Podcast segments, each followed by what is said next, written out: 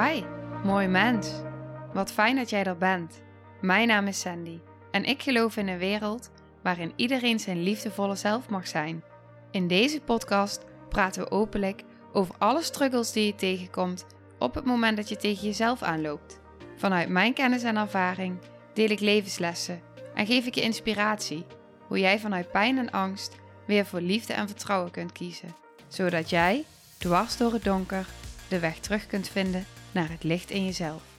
Welkom bij de Liefdevolle Strijder Podcast.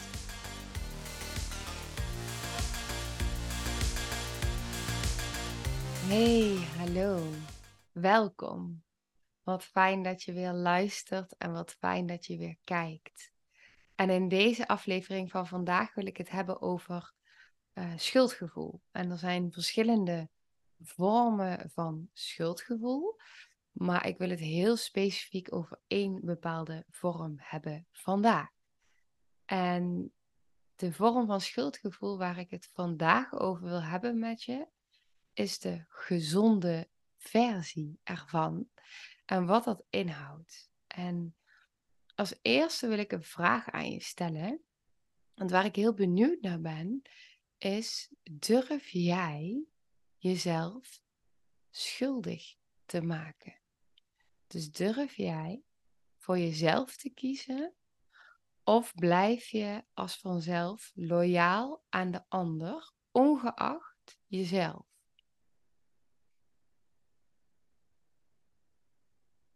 Neem even de tijd om eventueel deze vraag op je in te laten werken. Um, kijk, in ons leven, als wij geboren worden, dan hebben wij een soort van natuurlijke reacties dat we bij de groep willen horen uh, in het gezin. En dat we intern een geweten en een schuldgevoel hebben. En dat zorgt ook dat we intern ook weten van nou hier ligt een grens.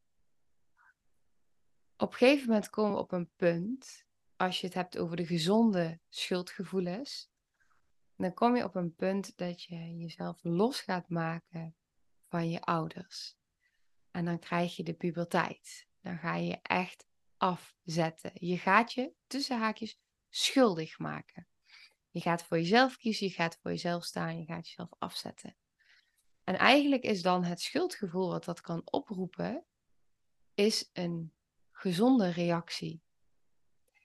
Op het moment dat je nooit in die puberteit bent geweest. Dus die kun je ook voor jezelf nagaan van, hey, ben ik ooit in die puberteit geweest? Heb ik me kunnen afzetten? Was het veilig genoeg om me te kunnen afzetten? Heb ik gepubert? Of ben ik nog steeds dat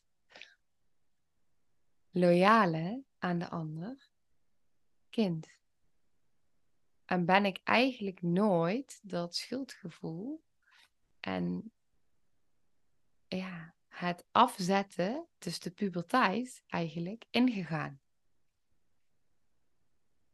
Mijn docent Sam van, de, van Systemisch Werk, de training waar ik nu in zit, maar van Centrum Puur, zij, um, zij zei op een gegeven moment ook zo mooi dat zij wel eens cliënten ziet die 40, 50 zijn en die hun puberteit nog doorleven en zich gaan afzetten en nee gaan zeggen en uh, grenzen gaan opzoeken en daar ook overheen gaan. En dan dat gevoel mogen uithouden van het schuldgevoel. En dat het schuldgevoel wat dat oproept, dus dat je nee gaat zeggen, dat je misschien over grenzen gaat, omdat je weet dat het voor jou dienend is. En dan heb ik het wel over ook weer gezonde grenzen. Hè? Want grenzen is natuurlijk een heel breed gebied. We hoeven niet heel diep op in te gaan, maar ook daarin weet je zelf wel wat, ehm, nou, vanuit je geweten, wat, wat daarin grenzen zijn die je over kunt gaan. Um, ik ben ook wel een beetje van uh, regels zijn er om, uh, om af en toe gewoon te breken. Uh, Ja, absoluut. En vooral als het, uh, als het dienend en helend en helpend is, dan sta ik daarvoor. ja. Dus dat is ook een stukje puberteit, denk ik dan. Um, maar dan is het dus, als je dat kan uithouden, is het een genezingsreactie. Omdat je loskomt en jezelf losmaakt. En dus zelf, ik wil eigenlijk zeggen, opgroeit en volwassen wordt. Want anders blijf je in dat onschuldige kindstuk, kindsdeel. Ja, want een kind is onschuldig. Een kind is, is puur, staat open. Kent nog. Sorry. Is helemaal nog verbonden met het magische. In zichzelf, met de creativiteit. Heel ontvankelijk. Staat helemaal open. En een kind neemt dus ook alles op zich. Dus op het moment dat een ouder A zegt en B voelt, rekent het kind zich toe van, oh wacht, maar dan zal ik, uh, zal het wel niet kloppen wat ik voel, want jij zegt dit.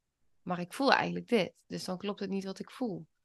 Of op het moment dat ouders boos zijn op elkaar, of ze maken ruzie, of misschien gaan ze wel uit elkaar, dan is de eerste natuurlijke reactie van een kind van, oh, dan zal het wel aan mij liggen. Een kind is onschuldig.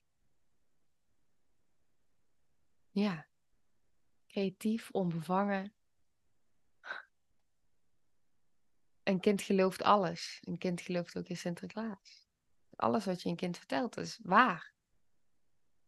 Het is echt iets om heel bewust van te zijn. Van hé, wat zeg ik nou eigenlijk? Het zijn vaak zoveel kleine dingen. Ik ben me van zoveel dingen bewust geworden dat ik denk: oh ja, hoe, hoe ga ik dat doen? Want ik ben heel bewust van wat ik zeg. En op het moment dat ik iets voel, dan zeg ik daar ook bij van dit is wat ik voel. En het ligt niet aan jou en ik kan mezelf dragen. Dus dat hoef jij niet voor mij te doen. En ik voel dat, je, eh, dat het ook iets met jou doet. Maar mama is nu even heel verdrietig of mama is nu even gefrustreerd.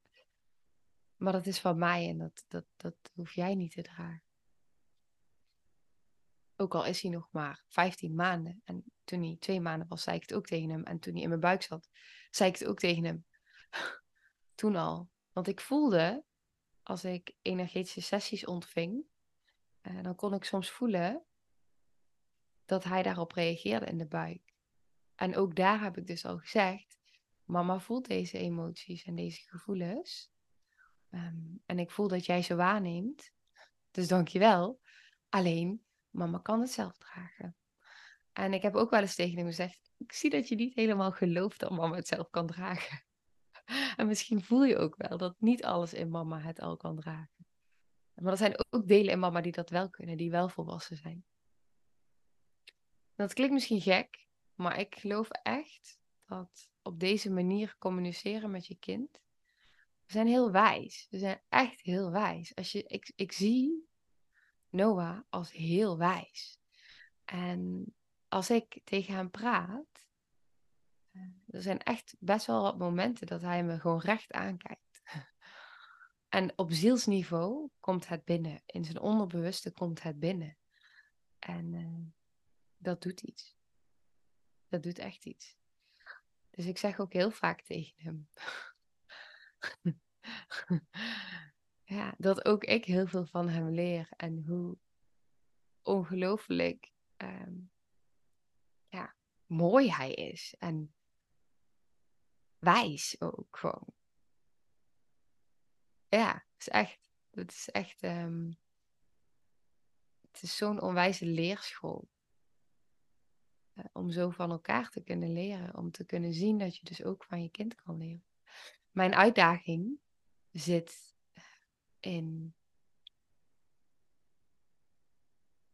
Ja, ik denk dat mijn uitdaging gaat zitten. Die merk ik nu soms op hele licht, maar ik denk dat die straks gaat zitten in misschien als hij ouder wordt. Maar goed, dus ik ben helemaal aan het afwijken. Maar nou, nee, misschien ook niet. Want wat nu in me opkomt is, in de puberteit, ik heb um, in de gehandicaptenzorg gewerkt. Bij mensen met verstandelijke beperking. En wat ik voelde, en ook het verschil wat ik zag bij collega's, ik heb een tijd met pubers gewerkt. Dus emotioneel zaten ze op puberniveau. Dus fysiek waren ze volwassen, maar emotioneel waren ze echt en vaak nog veel jonger dan puberniveau. Um, tussen de 8 en 11. En dan heb je het zeg maar als emotionele leeftijd. En dan heb je het echt over lichtverstandelijke beperking, noemen ze dat dan. En ik zat in een vrouwengroep en het was echt fantastisch. Het waren echt prachtige vrouwen. Zoveel van geleerd. En wat ik merkte was dat ik was heel kalm altijd. Dus wat er ook gebeurde als iemand stond te schreeuwen. Het was niet altijd dat ik dat van binnen zo voelde, maar vooral in het begin niet. Want dat, dat deed echt wel iets met mijn trauma-respons. Maar ik was altijd heel kalm in mijn spreken. Dus op het moment dat iemand dan helemaal in paniek was en nou, pubergedrag ging vertonen, dus ging schoppen en slaan tegen deuren en schreeuwen en allemaal dat soort gedrag, zeg maar. Dan bleef ik heel kalm en dan praat ik heel rustig. Wat heel interessant is, is dat als mensen in paniek zijn en dus hard gaan praten en tegen deuren gaan gooien en schreeuwen, op het moment dat jij zelf heel rustig praat, willen ze weten wat je zegt, want ze zijn zo getriggerd. Dus dan gaan ze als vanzelf, het is echt wat ik heb ervaren, ehm, ze gaan vanzelf al iets rustiger worden omdat ze willen horen wat je zegt, zodat ze daarop kunnen reageren vanuit weerstand. Maar ze worden als vanzelf al, er gebeurt iets in hun zenuwstelsel. Wat ik heb gezien bij collega's, is dat wat er vaak gebeurde was dat zij ook getriggerd werden. En dan dus ook hard gingen terugpraten. En dan voelde je al, ik voelde dan heel erg de paniek. En dat komt niet overtuigend over, zeg maar. Helemaal niet bij de, bij de cliënt in dit geval. Uh, of bij de puber. Uh, uh, wat er dan natuurlijk gebeurt, is dat je krijgt, je gaat tegenover elkaar staan. Want er is, ik moet nu ook ineens denken aan een sessie die ik laatst gaf, een die ook hierover ging over pubergedrag en loskomen van. En dan ga je eigenlijk tegenover elkaar staan. Maar dan wordt je eigen innerlijke kind wordt ook geraakt. En die raakt eigenlijk ook in paniek en die wordt getriggerd. En gevoel van afwijzing. En er kan van alles op zo'n moment bij jou van, van binnen ontstaan. En die herken ik ook in uh, dat, dat ik dat ook kon voelen dan op zo'n moment. Maar tegelijkertijd, omdat het natuurlijk ook niet. Um, het waren niet mijn kinderen ze voelde wel enigszins een beetje als mijn kinderen. maar het voelde echt als. als ik, ik hield ongelooflijk veel van ze. Het is echt zo. Ik hield echt heel veel van ze. Ze gingen me echt aan het hart. Maar het is anders als dat het je eigen kind is. Is gewoon zo. Dat is echt. Het is niet te vergelijken. Um, en toch. Uh, in een lichte gradatie. Maar ik wil ook wel. Um, ook aangeven dat, weet je, ik werkte echt heel veel uur met hen in de week. Dus er zat heel veel liefde bij. Dus het kwam echt heel, heel dichtbij. Het raakte mij ook echt wel. Maar ik merkte dus, en dat, was heel mooi om dat te kunnen zien, omdat ieder, weet je, je stapt daar binnen als um, hulpverlener, als begeleider. En je ziet dan dus hoe mensen het doen. Het verschil daarin ook. En dat was super waardevol. Omdat ik dus kon voelen en zien wat het effect was op diegene. Dus wat ik zag, was dat op het moment dat ik antwoord gaf en ik zei gewoon heel, als bijvoorbeeld een voorbeeld. Uh, het ging over kleren aantrekken, niet weten wat aan te trekken. Nou, wat ik dan deed, was: oké, hier heb je twee setjes op je bed liggen, kies maar uit. Nou, uh, deur gooien, schreeuwen, slaan, uh, paniek. Want dat was gewoon paniek natuurlijk. En eigenlijk ging ik dan op een afstandje gewoon staan dat ze me niet eens per se zagen. Um, maar wel wisten dat ik er was. Dat benoemde ik dan ook, ik ben gewoon hier. Mm, maar niet helemaal in het uh, druk, in, want dat doet iets in je energie. Um, dus je weet dat ik hier ben. Ik loop niet van je weg, want het is een trigger. Dus ik blijf in de buurt, maar ik ga ook niet erbovenop zitten. Dus dit is je keuze. Ik geef duidelijkheid, ik bied structuur. En, um, en ik, uh, ik blijf bij mezelf. Dat is eigenlijk wat ik heb gedaan. op, dat, op die momenten. En wat ik dan zag was dat er kwam nog wel een reactie. Um, maar ik bleef gewoon heel kalm. En dan uh, had dat even schakeltijd nodig. Dat kon even duren. En dan op een gegeven moment dan trok ik kleren aan. Klaar. op het moment dat er te veel keuzes zijn in een systeem wat al overbelast is, uh, in dat moment wordt het, um, wordt het moeilijk. En als je dan ook nog eigenlijk veiligheid zoekt bij de ander, maar die ander gaat mee in de paniek van jou, omdat die ook geraakt wordt, wordt het alleen nog maar groter en onveiliger. En is er geen structuur, maar je voelt dat je in die afzetting zit. Je zit in die puberteit. Dus je wil die keuze zelf kunnen maken. Dat is gewoon zo. Dus op het moment dat iemand anders die keuze voor je gaat maken, is het ook niet goed. Dus hoe fijn is het dan als er gewoon een mini-keuze wordt gemaakt van, nou, weet je, er wordt structuur geboden. Hier heb je twee keuzes. Jij maakt de keuze. En ik ben hier in rust. Maar jij mag de keuze maken. Alleen ergens heb ik al voor gekozen. Want waar de, wat erachter zat, was dat ouders van de cliënt bepaalde eisen stelden aan de cliënt, waar zij eigenlijk bijna niet aan voldoen.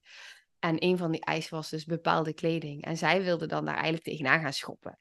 Um, maar wij als begeleiders uh, stonden ook in dienst van ouders. Dus wij wilden natuurlijk daarin ook um, ouders ook, ja, het, het, is wel hun kind, zeg maar. Dus als het belangrijk is voor hun, is het belangrijk. Maar dat was natuurlijk, wij zaten daar een soort van tussen. En uh, zij hadden de bepaalde eisen aan de kledingstijl. En de cliënt wilde gewoon lekker alles door elkaar en die wilde totaal anders. Dus ook daarin was het, dat maakte natuurlijk nog een extra factor. En dan is het oké, ouders die hebben bijvoorbeeld deze wensen. Nou, ga hou ik daar rekening mee? Nou, dit is even een heel uitgebreid verhaal, maar misschien herken je je hier wel in. Of bij jezelf, op het moment dat jij vroeger als puber um, ergens tegenaan wilde gaan schoppen en los wilde kopen. Um, wat dan wel en niet dienend was daarin. En hoe dat dus ook nu door kan werken. Als ouder zelf naar je kinderen toe. En dit werkt ook bij jongere kinderen. Want ook jongere kinderen hebben behoefte aan duidelijkheid en structuur. En wat ik net wilde zeggen is dat, eh, dat ik denk dat daar ook mijn uitdaging misschien wel kan gaan zitten. Omdat ik heel vaak denk, nu al, uh, merk ik bij Noah, ja, nou als jij dat wil is toch prima. als jij dat wil is toch goed. Ja, oké, nou prima. Dus, dus daarin merk ik van, oh ja, maar het is ook belangrijk dat ik, um, dat ik ook zeg, tot hier, zeg maar. Um, maar goed, nu is hij nog heel klein, dus ik kom nog niet echt in die situatie. Maar ik merk het af en toe al in hele kleine dingen dat ik daar al bewust van ben. En denk van, oh ja, um, hier mag ik uh, duidelijk in zijn. Want structuur biedt veiligheid. En het helpt dus ook op het moment dat je dus puber wordt. En je kan dus los gaan komen uit die structuren. Je kan dus gaan zeggen, want dat is eigenlijk wat ik haar gunde, die, die cliënt. Wat ik haar eigenlijk gunde was dat ze gewoon bewijzen van knalroze broeken aan kon trekken en, uh, en een rode trui, omdat ze dat graag wilde. Ja, who cares? Maar goed, er werkt natuurlijk van alles mee. En ik kan me heel erg voorstellen dat als je puberdochter, of misschien wil je het zelf wel, misschien voel je zelf wel van, nou, ik wil eigenlijk heel graag uh, dit en dit aantrekken. Alleen, ik heb er, ik had laatst, ik heb het misschien wel eens gedeeld in het, uh, in hierin, maar in mijn online programma zat ook een dame. En dat was zo fantastisch, want daarna zag ik haar. En toen had ze iets, uh, uh, iets aan waarbij ze tegen me zei van... Ik, um, ik, heb dit, ik zou dit eerder niet aan hebben getrokken. Maar ik voelde dat ik dit graag aan wilde. En ik dacht, ik ga het gewoon aandoen. Ongeacht um, nou, de overtuigingen die ik misschien zelf daaronder had zitten. Uh, van dit kunnen alleen maar hele slanke, nou, wat dan ook heel slank is, aan. En, en hoe ik daar dan misschien onzeker in was naar de buitenwereld. Ik voel dat ik dit aan wil. Ik wil dit gewoon doen. En het is zo'n daad van zelfliefde. Maar het is ook, dus als je het hebt over dit stuk, het is volwassen worden. Het is gewoon aantrekken wat jij wilt. En gewoon denken, ja, uh, jammer dan wat anderen daarvan vinden. Um, En dat roept een reactie in je op, omdat dat een andere beweging is dan je kent. En dat is een genezingsreactie. En op het moment dat je dan bijvoorbeeld bij familie komt en dat je dan merkt van, nou ja, ik, bijvoorbeeld, ik heb nog een leuk voorbeeld. Ik had uh, een, een, tijd terug kwam er een dame bij mij in een traject. En in de eerste sessie die we hadden, wilde ze eigenlijk, wat, wat ze liet blijken door het gesprek heen, ze wilde eigenlijk heel graag een tatoeage zetten. En ze wilde heel graag als ondernemer voor zichzelf beginnen. Maar uh, op de tatoeage, zullen we het even bij dit voorbeeld houden, zaten best wel wat, um, nou, um, nou, dit, dit stuk. Dus best wel wat angst van wat gaan anderen daar dan van vinden. En hoe gaan anderen daarop reageren? En wat vindt, ja, dat. Dus dat niet gedaan hebben. En nu hebben we de laatste sessie gehad, na het traject. En toen zei ze, ja, ik denk dat ik een afspraak ga maken voor het tatoeage. En uh, in het najaar of zo. En uh, toen zei ik van, nou, en, en ja, wil je iemand met je mee? Ja, nee, want iedereen die, die vindt dat dan, uh, die vindt daar iets van. En toen dacht ik, like, ik wil wel mee. En toen zei ze van, uh, zei ik, als je, wie zou je dan denken die je met je mee wil nemen? Toen zei ze tegen mij, ja, is dat gek, jou? en zei ik, nee, ik kwam eigenlijk al in me op en ik ga heel graag met je mee. Dus als je hem gaat zetten, ik ga met je mee. Maar dit is het.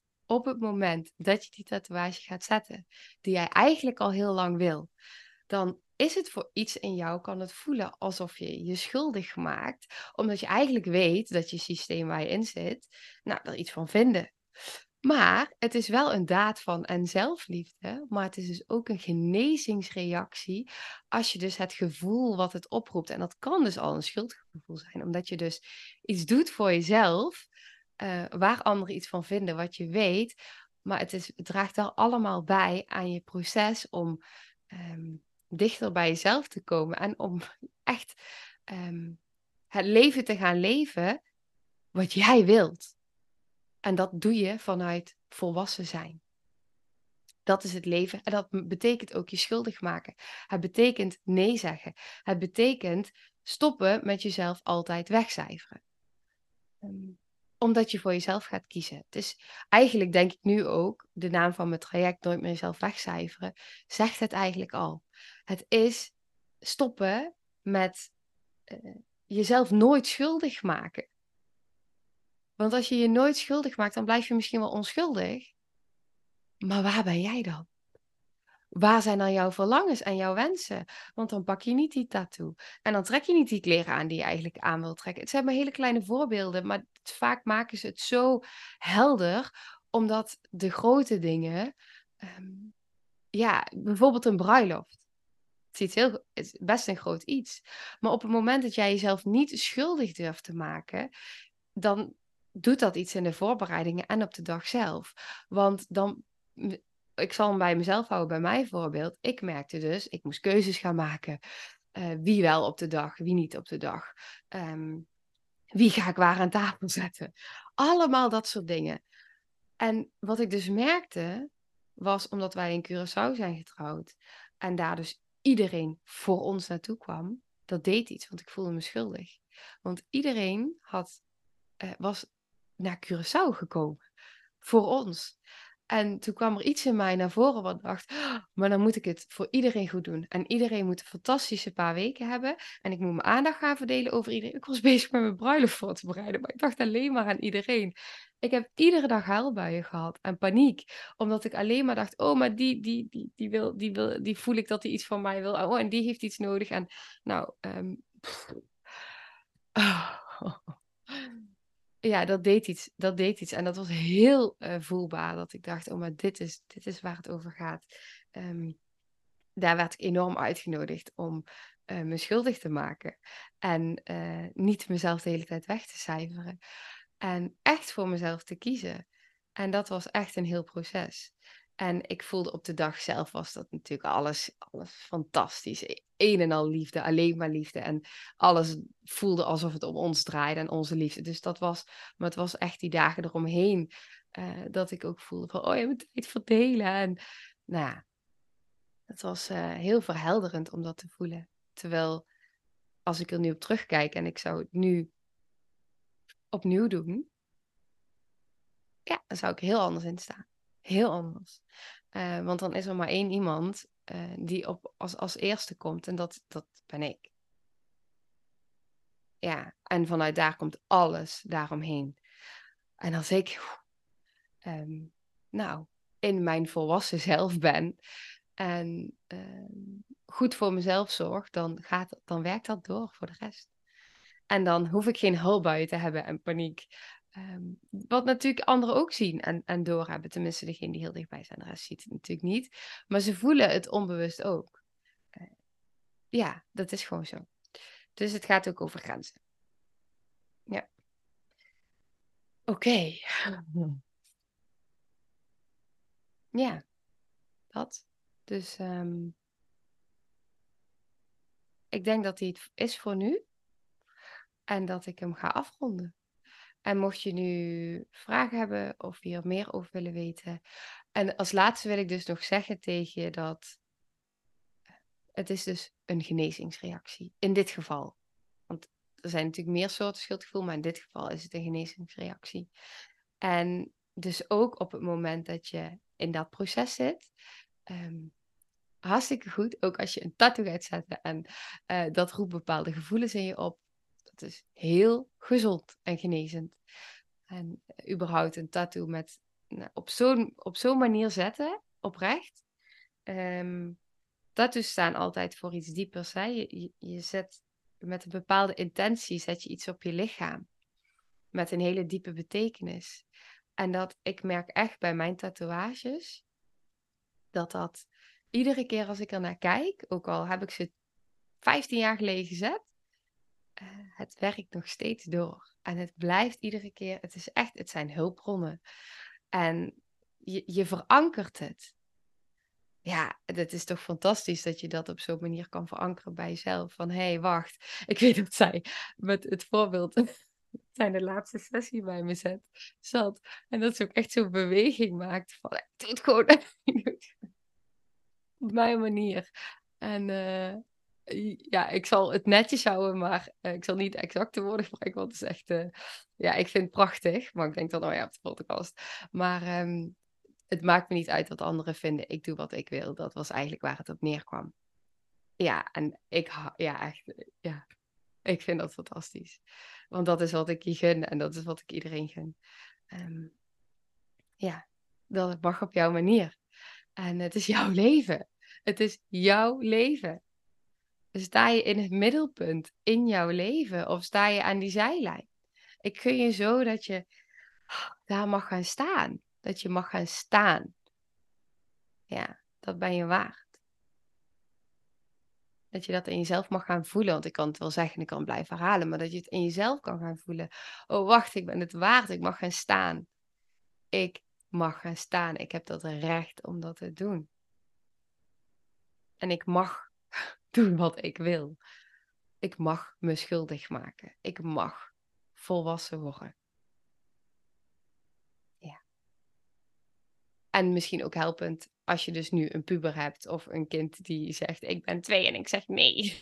Wat dan ook. Ook dat is allemaal heel gezond. Dan doe je het goed. Laat ze maar lekker puberen. Ja. En wat dat raakt in jou, dat is uh, ook weer heel uh, helend voor jezelf. Als je daarbij kan blijven. Want het roept van alles op. Ja. Dus uh, daarin kan je puber je ook uitnodigen om zelf tot een diepere verbinding te komen. Oké, nou, ik ga hem afronden nu. Heel veel liefs en tot de volgende aflevering. Nou, lieve mensen, ontzettend bedankt voor het luisteren. Ik ben heel benieuwd wat je van de aflevering vond en welk inzicht je eruit hebt gehaald. Mocht je nog vragen hebben of is er een onderwerp waar je meer over wilt weten, laat het me dan weten. En wie weet neem ik het mee in een van de volgende afleveringen. Als je het leuk vindt, kun je de aflevering delen. Of maak een screenshot en tag me op Instagram. Want ik vind het echt super tof om te zien wie er luistert. De link van mijn Instagram staat in de beschrijving bij de podcast. En wil je blijvend geïnspireerd worden? Klik dan op abonneer of volgen in de podcast-app waarmee je luistert. Dat zouden ik en alle toekomstige luisteraars enorm waarderen. Want dat zorgt er namelijk voor dat de podcast beter gevonden wordt. Nogmaals, dankjewel voor het luisteren en heel graag tot de volgende aflevering.